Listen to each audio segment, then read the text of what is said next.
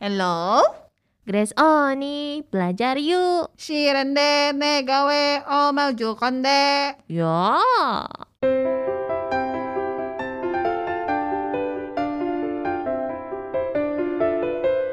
한국어를 재미있게 배우고 싶어요? 반짝반짝 한국어와 같이.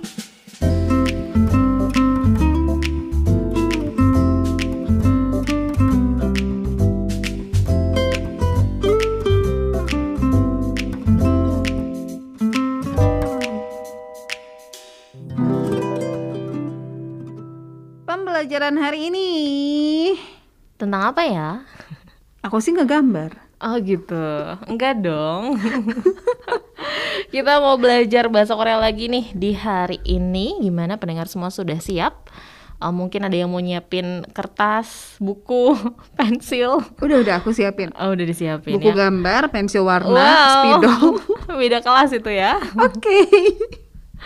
Oke, hari ini kita mau belajar tentang beberapa kosakata dan juga tata bahasa yang sering banget eh, orang-orang tuh ketuker-tuker gitu. Karena Ah. katanya tuh eh, sama, tapi sebenarnya itu berbeda. Nah, bingung gak sih? Sama Se- tapi berbeda. Itu kayak kayak game gitu ya, serupa tapi tak sama. Oh. itu memilih memilih gambar mana yang Iya. eh, salah, mana yang Iya, tidak iya. ada gitu Iya, ya. iya, iya, iya. Oke. Ini mentang-mentang dia mau menggambar ya, bawaannya gambar lagi. Ya udah, kayak drama Korea ada Mas. Kenapa tuh? Kembar tapi tak sama. Oh. Kembar tapi orang yang sama. Iya, itu sama-sama Jisung. Ini yang denger bingung. Apa sih? Iya, jadi ada kosakata dan juga tata bahasa dalam bahasa Korea yang sebenarnya uh, asalnya tuh dari satu kata yang sama, tapi ketika dia dirubah menjadi tata bahasa itu menjadi artinya pun jadi berbeda gitu. Ya, nah ini yang kadang-kadang uh, oleh kita sebagai pembelajar bahasa Korea yang suka masih suka ketuker, masih suka bingung. Ini yang kata eh, yang berdiri sendiri ataukah sebagai tata bahasa nih gitu. Hmm. Jadi aku mau bahas beberapa yang eh, mungkin bisa dibilang sering dipakai ya dalam kehidupan sehari-hari menggunakan bahasa Korea. Ya walaupun selebihnya itu masih ada ya, ada eh, banyak lagi yang memang mirip tapi eh, hari ini kita mau bahas beberapa aja. Oke. Oke, langsung aja. Yang pertama, ini adalah kata ita, ya ita, dan juga bentuk tata bahasa ao ita. Hmm. Ya, sama-sama ada itanya dua-duanya, ya kan? Ya, kita mulai dulu dari yang itanya. Ya, ita ini dia jenisnya adalah verb atau kata kerja ya atau dongsa dalam bahasa Korea. Ya, ita. Ini pasti sering dengar ya. Isoyo gitu kan. Isoyo, iso gitu. Itu artinya apa? Ada. Ah, ah, betul. Ada ya. Ita kata dasarnya ketika dirubah menjadi bentuk akhiran kalimat yang informal tapi tetap sopan kita biasa bilangnya isoyo ya. Artinya adalah ada atau juga berada ya misalkan eh, orang tua kita berada di kampung halaman gitu ya. Itu juga bisa pakai kata ita. Terus juga bisa eh, dalam beberapa situasi bisa artinya tuh adalah punya atau memiliki. Oh iya betul. Mhm, gitu ya. Nah ini kalau dalam penggunaannya di kalimat si kata ita ini di depannya itu biasanya eh, di apa diawali dengan bentuk kata benda atau noun. Ya di depannya itu ada kata bendanya atau noun.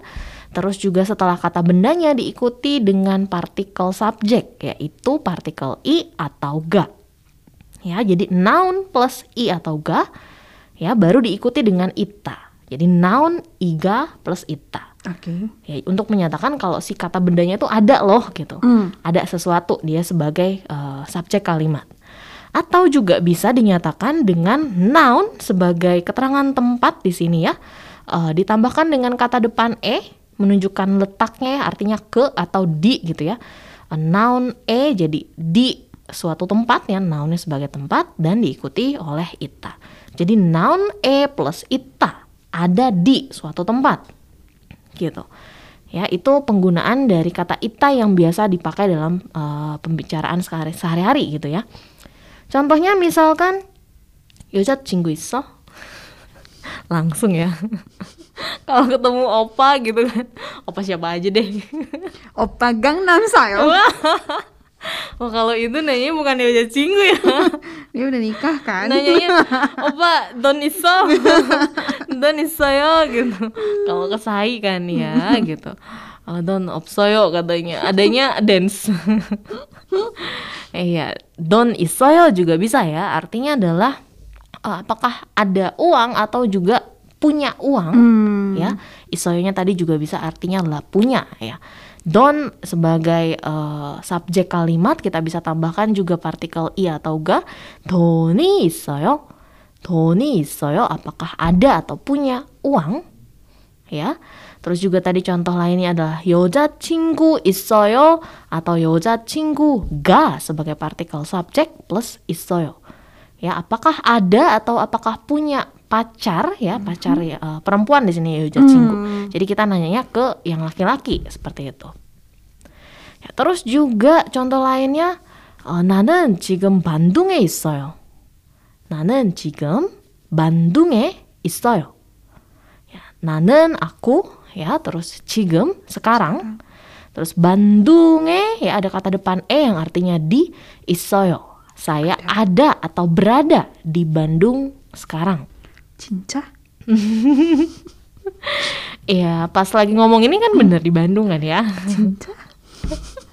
Iya, 나는 지금 반둥에 있어요. Ya, sekarang saya atau aku berada di Bandung. Hmm. Jadi depan dari isoyonya adalah berupa nama tempat ya, eh, dan diikuti oleh kata depan e, noun e ita. Contoh lainnya lagi, 화장실에 화장실이 어디에 있어요?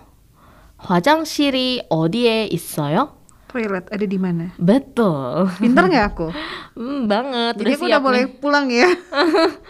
Aku pulang.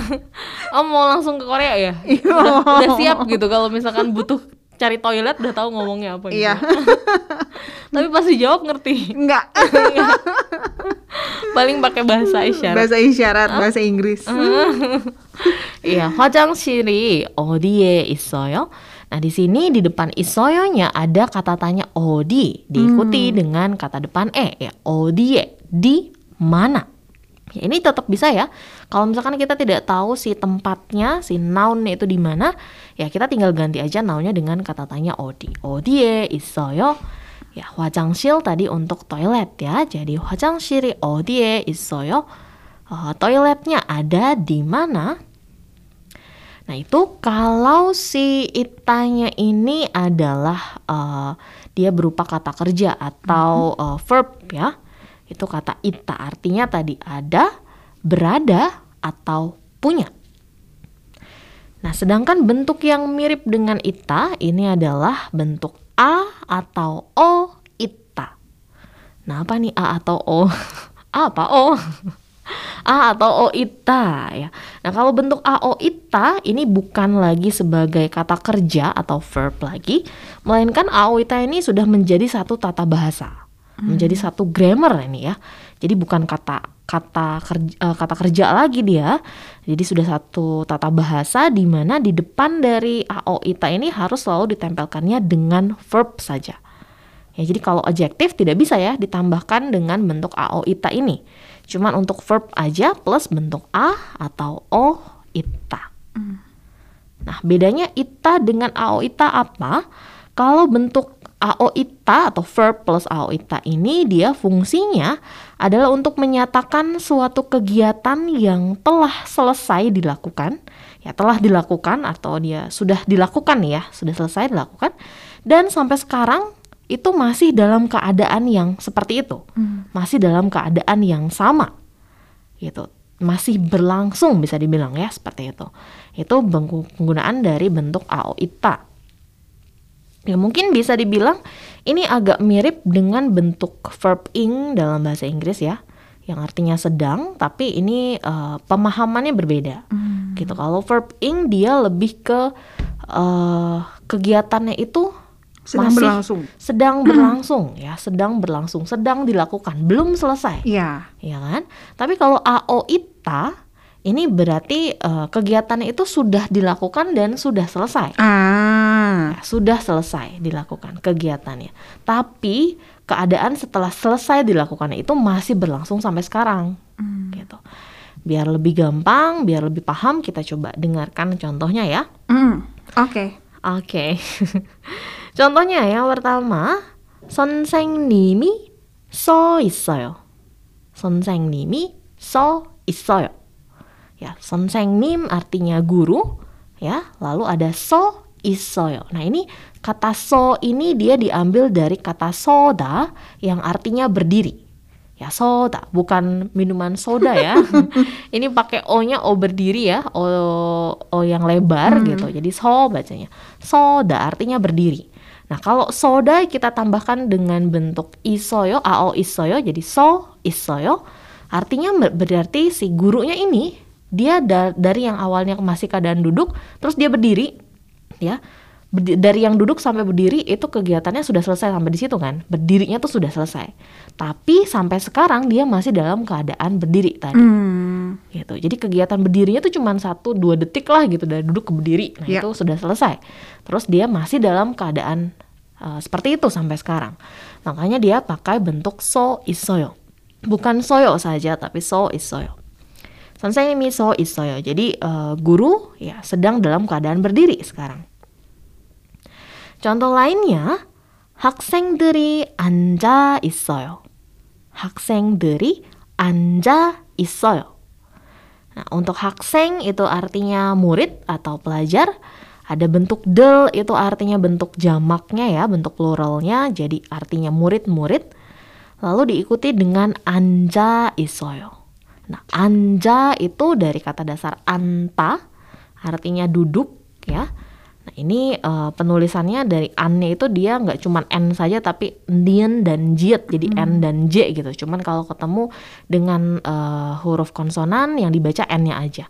Kalau ketemu vokal n dan j-nya dua-duanya dibaca. Jadi anja. Ya, kita pilihnya yang a di sini karena vokal terakhir dari an adalah a. Jadi ketemunya dengan a lagi. Anja isoyo. Nah, anjanya tadi artinya duduk ya. Jadi jadi eh, kata anjanya itu dia dari yang asalnya berdiri terus duduk gitu kan itu juga kegiatannya cuma satu atau dua detik ya. Sudah selesai nih kegiatan dari yang berdiri sampai ke duduknya tadi. Lalu sampai sekarang dia masih dalam keadaan duduk. Gitu dia sedang duduk gitu ya. Jadi disebutnya anja isoyo contoh lainnya op, eh, apa ga mau bilangnya opa lagi ya ampun pikiran apa mulu ya 오빠. 예, 아빠, 아빠가 소파에 누워 있어요. 아빠가 소파에 누워 있어요. Ya, apa itu untuk ayah ya atau bapak. Eh, sofa ya artinya kursi sofa. 누워 있어요. Nah, 누워 있어요 ini dari kata nupta, kata dasarnya ya, nupta. Nupta ini pakai biep sebagai bacim dan biepnya adalah biep bulkyucik, makanya ketika ketemu dengan bentuk A atau O ini, dia berubah menjadi U si biepnya. Lalu setelah berubah jadi U, dia ketemu dengan O, makanya menjadi nuo.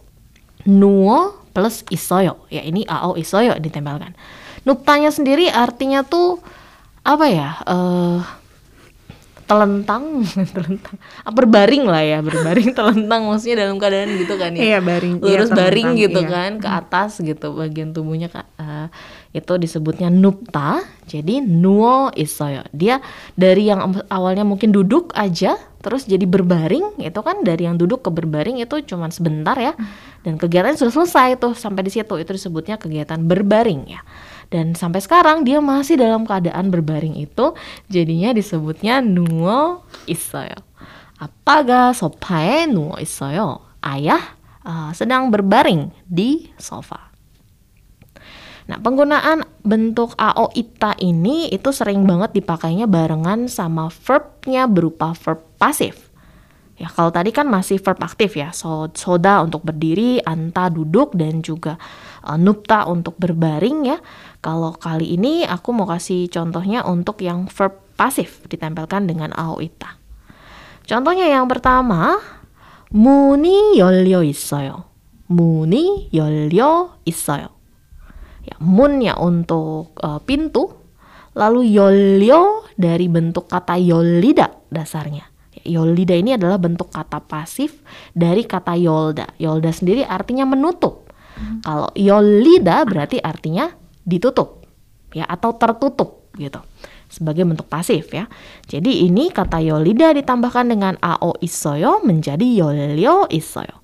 Muni yolio isoyo berarti si pintunya itu uh, sudah ditutup dan sampai sekarang pun masih dalam keadaan tertutup. Belum ada yang buka lagi nih pintunya. Ya, seperti pintu di sini. Kalau sudah ditutup tutup susah dibuka. Betul. Kalau sudah dibuka susah, susah ditutup. ditutup. Jadi sekarang muni ya, ya Lisa ya. Hmm. Pintunya dalam keadaan tertutup ya. Kalau mau buka harus pakai tenaga dalam. Oke, okay, muni ya, ya, yolio isayo, yolida plus ao isayo. Oh, ya ampun. Bentar. Tadi kayaknya aku salah deh ngatin. Apanya? Kata Yolda itu membuka, maaf ya. Yolda itu membuka jadi Yolida artinya terbuka. Pas ba- baca yang Dacida ini baru lah. Kan Dacida yang tertutup. Kayaknya tadi ada mm, Kayaknya tadi gara-gara ngeliatin pintu ketutup deh Jadinya kepikirannya pintu tertutup terus Enggak ya maaf ya Tadi tuh kata Yolida artinya terbuka ya Yolda membuka, Yolida terbuka. Jadi muni Yolio isoyo artinya pintunya terbuka ya, pintunya masih dalam keadaan terbuka sampai sekarang. Dan yang kedua contohnya Changmuni, Changmuni dacho isoyo. Changmuni tacho isoyo. Nah, Changmun itu artinya jendela. Ya, mun tadi pintu, Changmun jendela. Lalu 닫혀 있어요 dari kata dasar 닫히다. 닫히다 ini adalah bentuk kata pasif dari kata data. Di mana data artinya menutup. Berarti 닫히다 artinya ditutup. Ya, dan eh, apa? Contohnya satu lagi nih. Ada 그정이는 그정이는 벽에 붙여 있어요. 그정이는 벽에 붙여 있어요. kejongi ya dari kata jongi itu adalah kertas. Ya kejongi berarti artinya kertas itu. biok itu artinya dinding atau tembok. Lalu butco, butco itu dari kata dasar buta Ya, hmm. buta itu artinya uh, ditempel atau tertempel gitu. Lalu kalau butco ita butco isoyo artinya jadi dalam keadaan tertempel, dalam keadaan ditempel gitu.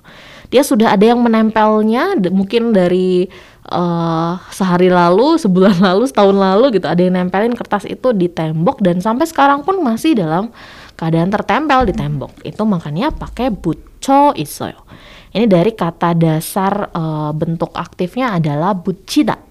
Bucida itu menempel ya, itu untuk kata kerja aktifnya sedangkan buta itu artinya ditempel atau tertempel. Itu bentuk kata kerja pasifnya.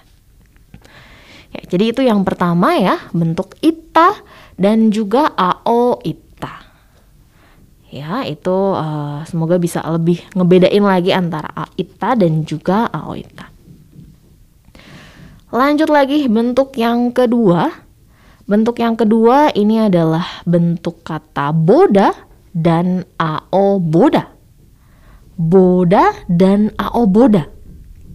Boda ini eh, jenisnya adalah kata kerja, ya kata kerja aktif atau verb aktif. Eh, kalau kita pakai dalam kalimat eh, bentuk informal dan sopan itu biasanya berubah menjadi buayo.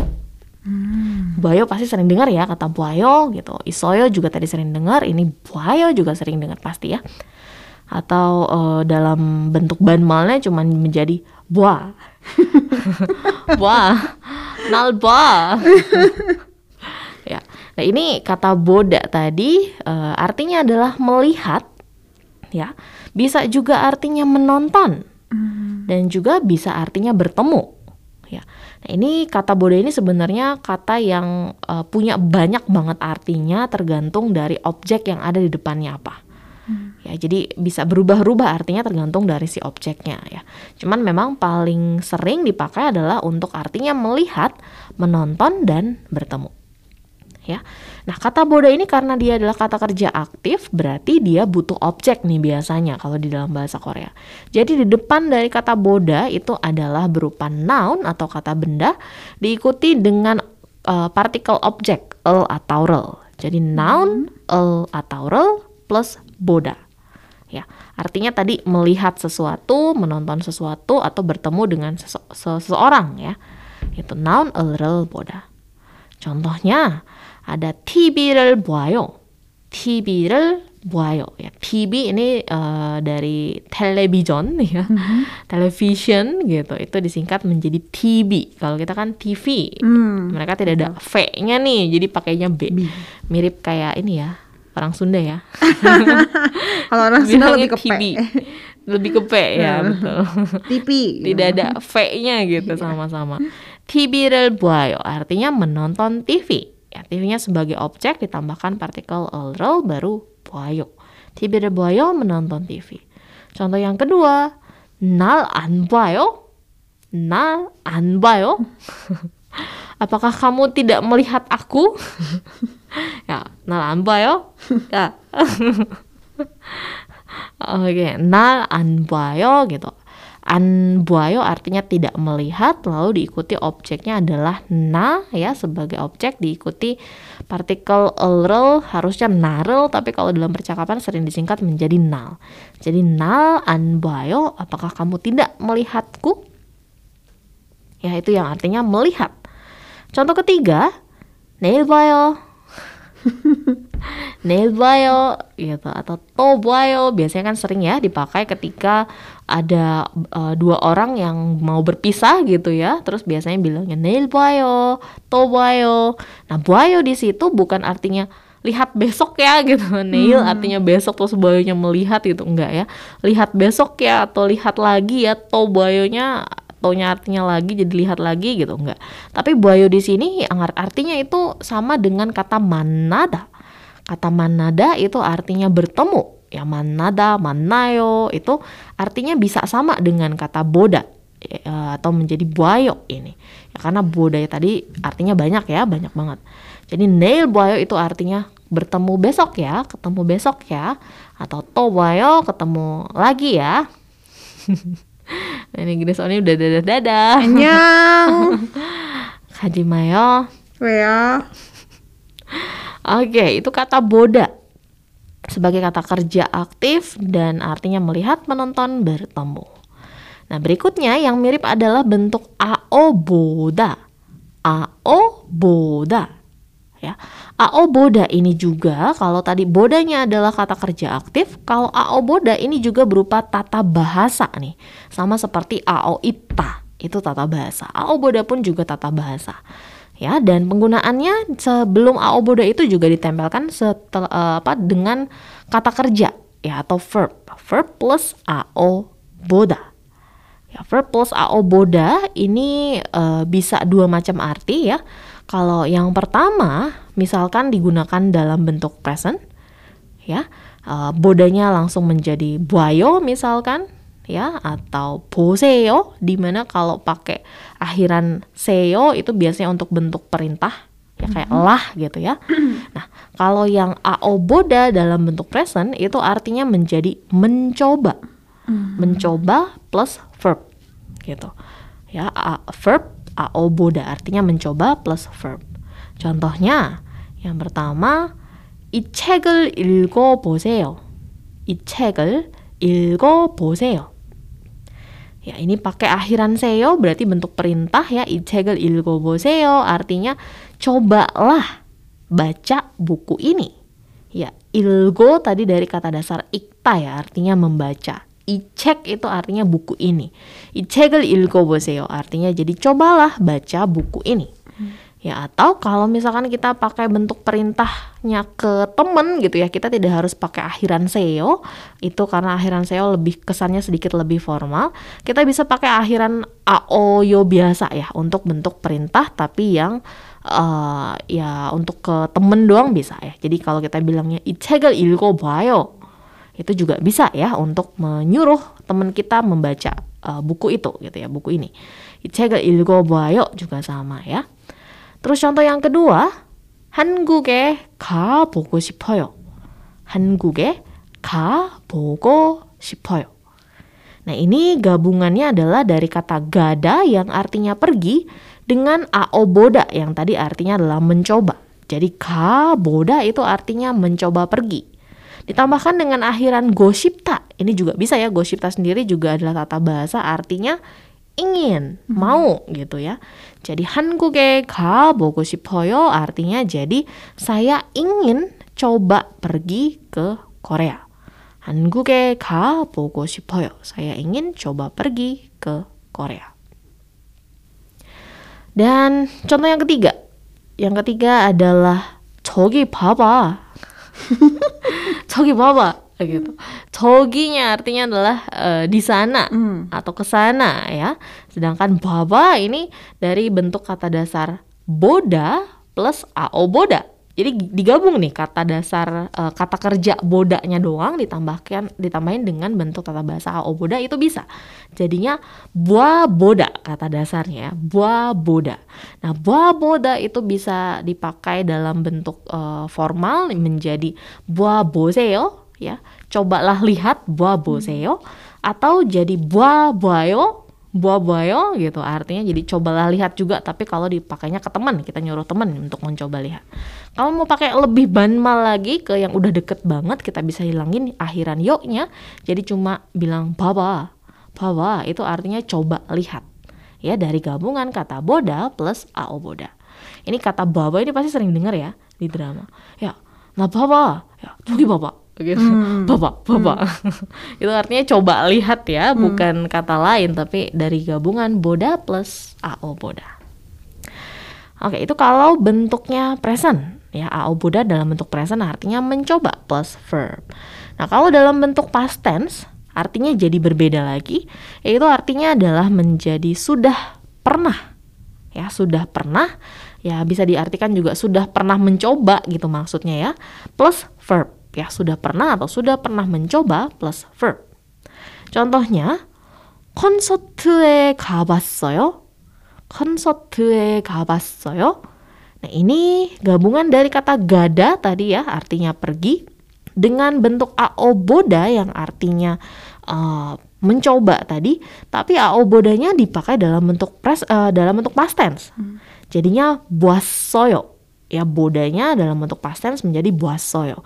Jadi ga buasoyo yang artinya sudah pernah uh, mencoba pergi atau sudah pernah pergi ya ka buasoyo.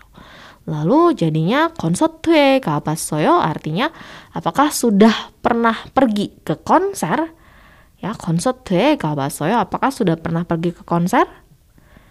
Itu contoh yang pertama.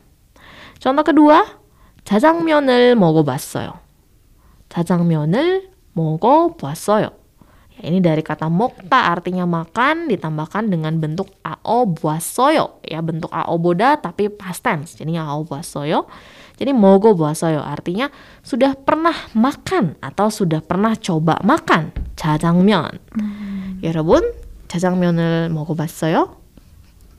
그레시 언니는 jajangmyeon을 먹어봤어요? jajangmyeon? Udah belum ya? Aku lupa. dia lupa Cincayo mungkin pernah tapi satu kali atau dua kali gitu ya Gak tau. Kayaknya belum deh. Hah? Kayaknya belum. 진짜요? 안 먹어봤어요? Oh, 와. belum. Belum deh, belum, belum. 그럼 먹어보세요. cobalah makan. Nih, 네. kita bareng ya. Oh, Oke. Iya harus siapin tisu itu kalau makan jajangmyeon ya soalnya biar nggak belepotan kan Ah. hitam-hitam masalahnya ya belepotannya. Iya, iya, jajangmyeon aku belum deh. Aku nyob, aku seringnya tuh yang itu loh yang ada di Persite. Oh ini japageti Hmm, gitu ya. itu itu lumayan sering lah gitu. Hmm, Nggak lu- nggak yang memang banget. sudah dari mereknya japageti. Dicampur sama apa Oh tuh? dicampur. Apa sih biasa dicampurannya? Apa dengan apa gitu? Eh, yang ramyeon biasa Eh, gitu ya. eh, neoguri. Noguri Heeh, heeh, sama- dicampur sama jajangmyeon. Itu jajangmyeon juga ya? Atau Iya. spaghetti ya? Spaghetti deh kayaknya. Kalau japageti udah harusnya itu sudah jadi satu, nggak usah dicampur apa-apa lagi dong. Aku lupa aku tim tinggal hap lalu dimakan. Jadi lupa. Japageti itu kan gabungan dari Jajangmyeon. jajangmyeon sama spaghetti. Berarti udah aku udah makan jajangmyeon, tapi nggak yang real Wow, sudah jajangmyeon. mix ya. Iya mix. Mix version. Oh, wow. Remix. Remix. Ada nadanya dong. Iya ada nadanya. Wah. Jab, ajab, ajab gitu. 와도 짜장면을 먹어보세요 여러분 Oke, terus juga contoh terakhir adalah 슈퍼주니어를 만나봤어요. 우. 슈퍼주니어. 네, 슈퍼주니어를 만나봤어요. 만나다 kata dasarnya itu artinya adalah bertemu. Ya sama dengan kata boda tadi juga bisa artinya bertemu. Jadi 만나봤어요 artinya sudah pernah atau sudah pernah mencoba bertemu dengan Super Junior. Ya, ini eh, ada konser juga kan ya di tahun ini. Jadi mungkin ada yang sudah pernah bertemu atau yang baru mau bertemu. Ya, titip salam ya. Nanti aku sampein ya. Oke. Iya, itulah bentuk yang kedua ya, boda dan juga AO boda. Yang satunya kata kerja aktif artinya melihat, menonton, bertemu dan lain-lain. Yang satu lagi AO boda itu tata bahasa artinya mencoba atau sudah pernah mencoba melakukan sesuatu. Oke, lanjut lagi langsung. Yang ketiga, yang ketiga adalah bentuk kata juda dan juga AO juda. Nah, kalau menurut aku ya, ini adalah bentuk kata yang paling sering disalahartikan sama yang sedang belajar bahasa Korea ataupun yang cuma sekedar belajarnya dari nonton drama aja. ya, juda dan AO juda. Ya, kata juda ini yang pertama dia jenisnya adalah kata kerja aktif juga ya, verb aktif. Artinya adalah memberi. Ya, juda artinya memberi. Ya. Kan Iya. memberi, Uh-uh. Ini mau memberi apa? memberi salam. Memberi salam. Annyeonghaseyo. Ah, gitu. Kirain memberi salam siap beri salam gitu enggak ya?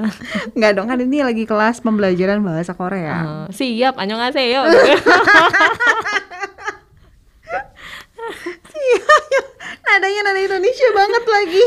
iya kan diga- diganti langsung. Aduh ya ampun. Oke, jadi kata juda itu artinya memberi ya, dia kata kerja aktif, jadinya dia butuh objek. Makanya dalam kalimat biasanya bentuknya adalah noun atau kata benda plus plural sebagai partikel objek, lalu plus juda. Ya, noun plural plus juda artinya memberi eh, sesuatu ya sebagai si kata bendanya. Nah, ini paling simpel adalah kita bisa pakai sekedar si kata judanya aja dalam bentuk perintah. Kita minta orang lain untuk memberikan sesuatu kepada kita. Kita bisa pakai tambahan akhiran seyo. Ya, artinya kayak lah gitu. Jadi juseyo digabung ya. Juseyo. Wah, juseyo itu kalau aku jadi kayak gitu Jusela. juseyo lah. Aku Itu- dapat kosakata baru. Sing korlish apa gimana itu sing kor? Jusela. itu logat Korea ala Singapura apa gimana tuh? Oke, juseo. Jadi juseo itu bukan artinya tolong ya. Juseo doang tanpa ada kata lagi di depannya. Makanya pakein lah. Tetap aja. Itu artinya berilah. Itu sudah ada lahnya artinya. Iya, Berikanlah. berilah gitu. Berikanlah, berilah gitu. Jadi bukan tolong. Iya, kan nggak lucu ya. Misalkan kita lagi eh, apa? Kita lagi jalan, terus kita jatuh, terus kita minta tolong ke orang, bilangnya juseo, juseo. Jusela, Jusela. Ntar orang orang yang lewat di Korea bingung. Ini apa sih? Mau minta dikasih apa sih? Dikasih uang apa gimana? Kan jatuh lagi masih terduduk gitu di jalanan gitu ya. Juseo, juseo. Oh mungkin oh don. Nanti dikasih uang. Oh ini don. Don juseo gitu mungkin Aduh, dikira ini gitu. Ya, jadi hati-hati ya. Juseo itu dari kata dasar juda plus akhiran perintah seo artinya seperti kata lah ya. Jadi juseo itu artinya berikanlah, berilah gitu. Makanya dia harus diikuti dengan kata benda di depannya untuk menjelaskan gitu. Berilah apa nih? Berilah permen, berilah uang, berilah uh, buku atau apa gitu ya. Harus ada kata benda di depannya nggak cuman juseo aja. Ya kecuali kalau untuk anak-anak kecil ya dibiasain sama orang tuanya untuk kalau meminta sesuatu sambil bilang juseo gitu. Itu biasanya udah jelas sih yang di, dimintanya tuh apa. Misalkan ada yang megang permen coklat gitu ya. Biasanya tinggal bilang juseo artinya berikanlah gitu. Kalau kita bilangnya minta dong gitu ya. Kalau di Korea juseo berikanlah. Ya uh, kalau misalkan kita ke kafe ya, atau restoran, ya, ketika kita mau milih menu atau makanan yang kita akan beli, itu kita juga bisa pakai kata juseo ini, tinggal ditambahkan dengan pesanan kita di depannya. Ya, misalkan sambil nunjuk ya, kita nggak tahu nih namanya apa dalam bahasa Korea, kita tinggal bilang aja ego, hmm. igo. Ya, artinya ini, ini gitu. Terus sebutin jumlahnya berapa. Misalkan hmm. satu bisa pakai kata hana. Hmm. Ya, ego hana juseo 이거 하나 주세요. Berikanlah ini satu, gitu. 이거 하나 주세요. Berikanlah ini satu. Ya, atau kalau nggak tahu satu dalam bahasa Korea apa, dipakai Igo. jari aja. Hmm. 이거 mm, 주세요. One, one, one. 이거 one 주세요. One. Kalau aku iko solo. Solo kan satu. Aigo solo solo. ya ampun. Kalau di Korea nanti dikirain ini apa lagu Jenny apa Lagu gimana? Gak ada di Minta diputar lagu Jenny Gak nggak bisa, bisa. pesan lagu Jenny, gak bisa. Kalau mau pesen di Asiatic aja gitu. iya, itu ya kalau mau pesan eh, sesuatu makanan gitu, atau minuman di Korea kita bisa bilang igo hana juseyo. Berikanlah ini satu. Ya, nah akhiran untuk kata juda itu nggak selalu pakai seo terus ya, jadi juseo juseo aja enggak. Tapi kita bisa pakai juga dengan akhiran eh, kata yang lain yaitu misalkan pakai akhiran real koeo yang artinya akan ya real koeo jadi digabung menjadi jul koeo artinya akan memberikan ya misalkan 친구가 나한테 만화책을 줄 거예요. 친구가 나한테 만화책을 줄 거예요. Ya, teman ya cinggu artinya teman, nahante artinya kepadaku, manhuacek artinya buku komik. Ya, julkoyo akan memberi, akan memberikan gitu. Jadi cingkukan nahante manhuacekal julkoyo artinya teman akan memberikan buku komik kepada saya, kepadaku gitu. Ya, manhuacek. Terus juga contoh lainnya, Onniga nahante 새로운 옷을 줬어요. 언니가 나한테 새로운 옷을 자- 줬어요. Ya, ini eh, yang dipakai kata juda plus akhiran bentuk past tense yaitu at atau osoyo. Jadinya 줬어요. Artinya menjadi sudah memberi gitu ya. 언니가 나한테 새로운 옷을 줬어요. Artinya kakak perempuan memberikan atau sudah memberikan baju baru untukku. Ya, kakak perempuan sudah memberikan baju baru untukku. 나한테 새로운 옷을 줬어요. Dan contoh yang lain, ini ada penggunaan kata juda tapi bentuk honorific. Kalau misalkan kita sebagai subjek kalimat misalnya, kita ingin memberikan sesuatu kepada orang yang lebih dihormati, ya lebih tua atau lebih eh, tinggi jabatannya dari kita, kita ganti kata judanya dengan kata honorificnya yaitu derida. Ya, derida. Derida kalau de- dalam bentuk aoyo menjadi deryoyo. Ya, jadi contohnya misalkan 저는 할머니께 장갑을 드려요. 저는 할머니께 장갑을 드려요. Saya hal- 할머니께 itu artinya untuk nenek ya ke itu adalah bentuk kata honorifik dari ege atau hante ya, artinya kepada atau untuk. Jadi saya untuk nenek canggap itu artinya sarung tangan dirioyo tadi sama seperti juda artinya memberi. Ya karena saya memberikan sesuatunya untuk nenek yang lebih uh, saya hormati makanya ganti judanya menjadi derita. Jadi chonen harmonike janggapel derioyo artinya saya memberikan sarung tangan untuk nenek. Yaitu kalau bentuk kata juda ya. Lanjut lagi, bentuk yang mirip adalah bentuk ao juda. Sama ya, tadi ao ita, ao boda, ao juda itu ya di depannya AO semua nih. Nah, kalau udah berubah menjadi AO ya itu biasanya sudah bukan satu kosakata lagi tapi sudah menjadi tata bahasa. Ya begitupun dengan AO Juda ini juga sama, dia merupakan satu tata bahasa dan biasanya ditempelkannya juga setelah kata kerja atau verb. Ya, jadi bentuknya verb plus AO Juda. Ya. Nah, verb plus AO Juda ini yang uh, bisa dibilang fungsinya adalah untuk mengekspresikan uh, atau bentuk ekspresi yang digunakan ketika seseorang itu melakukan sesuatu untuk orang lain. Ya, ekspresi yang digunakan ketika seseorang melakukan sesuatu untuk orang lain. Jadi ngelakuin itu bukan untuk dirinya sendiri, tapi untuk orang lain. Nah, ini kita bisa tambahkan verbnya, kegiatan yang dilakukannya itu dengan bentuk AO juda. Nah, kalau dalam bahasa Indonesia ini bisa diartikan mirip dengan uh, imbuhan mekan. Mm-hmm. Ya kayak misalkan membeli. Membeli kan biasanya ya membeli doang gitu. Itu kan ya saya membeli uh, jeruk misalkan ya belinya untuk saya sendiri biasanya tapi kalau kita bilangnya saya membelikan jeruk berarti kan beli jeruknya untuk orang lain hmm. Ya kan? Nah ini mirip dengan bentuk juda ini. Dan penggunaan judanya sendiri itu kalau kita artikan ke dalam bahasa Indonesia juga uh, sering bisa disamakan artinya dengan tambahan kata tolong. Nah ini baru kalau bentuknya AO juda barulah kita uh, terkadang bisa artikannya sebagai tambahan kata tolong ao juda. Ya tapi kalau cuman juda saja ya juseo saja itu bukan tolong tapi berikanlah ya.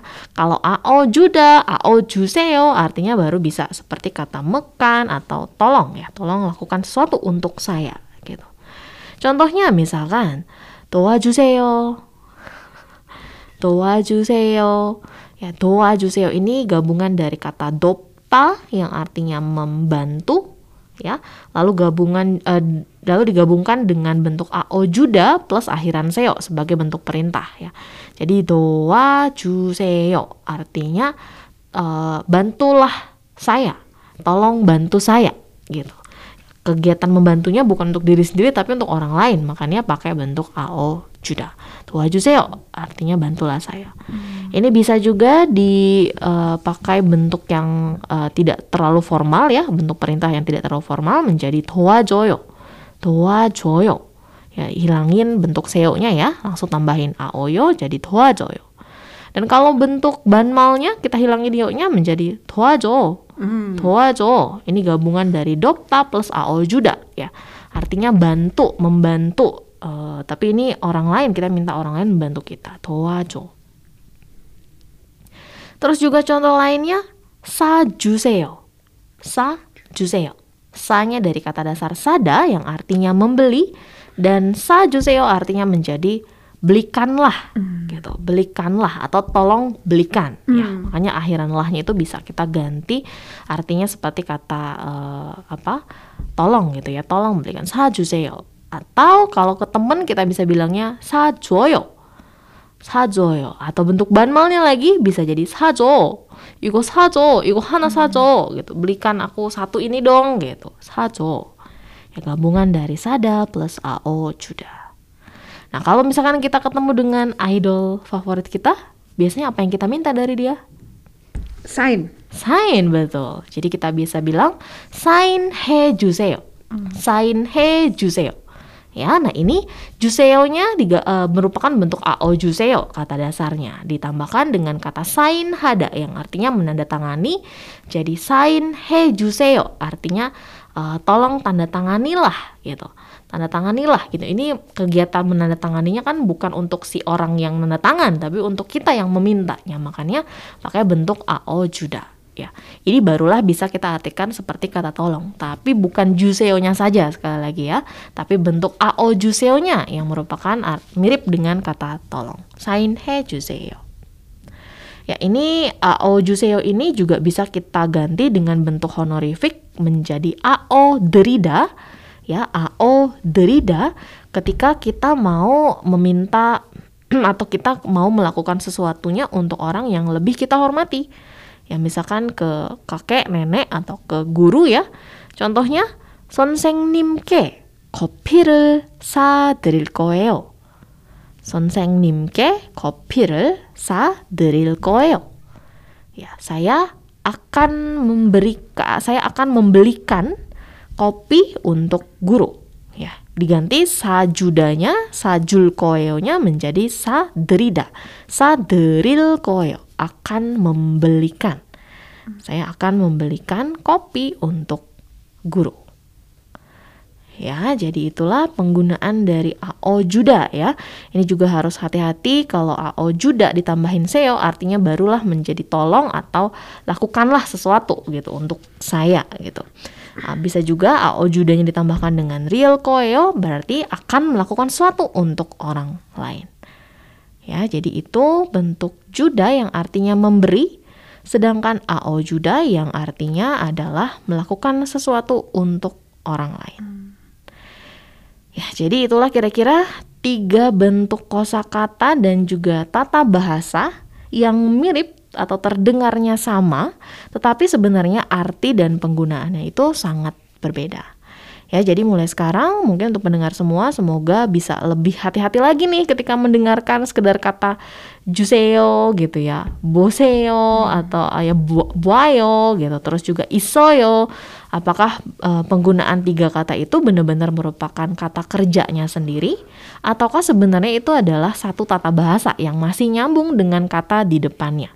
Ya kita harus perhatikan uh, di situ ya. Kita bisa juga lihat dari jenis kata di depannya apakah jenisnya kata benda atau kata kerja ya untuk bisa memudahkan kita membedakan penggunaan uh, apa isoyo, buayo atau juga uh, juda tadi ya. Nah, jadi gimana? Sudah bisa membedakan ketiganya atau belum?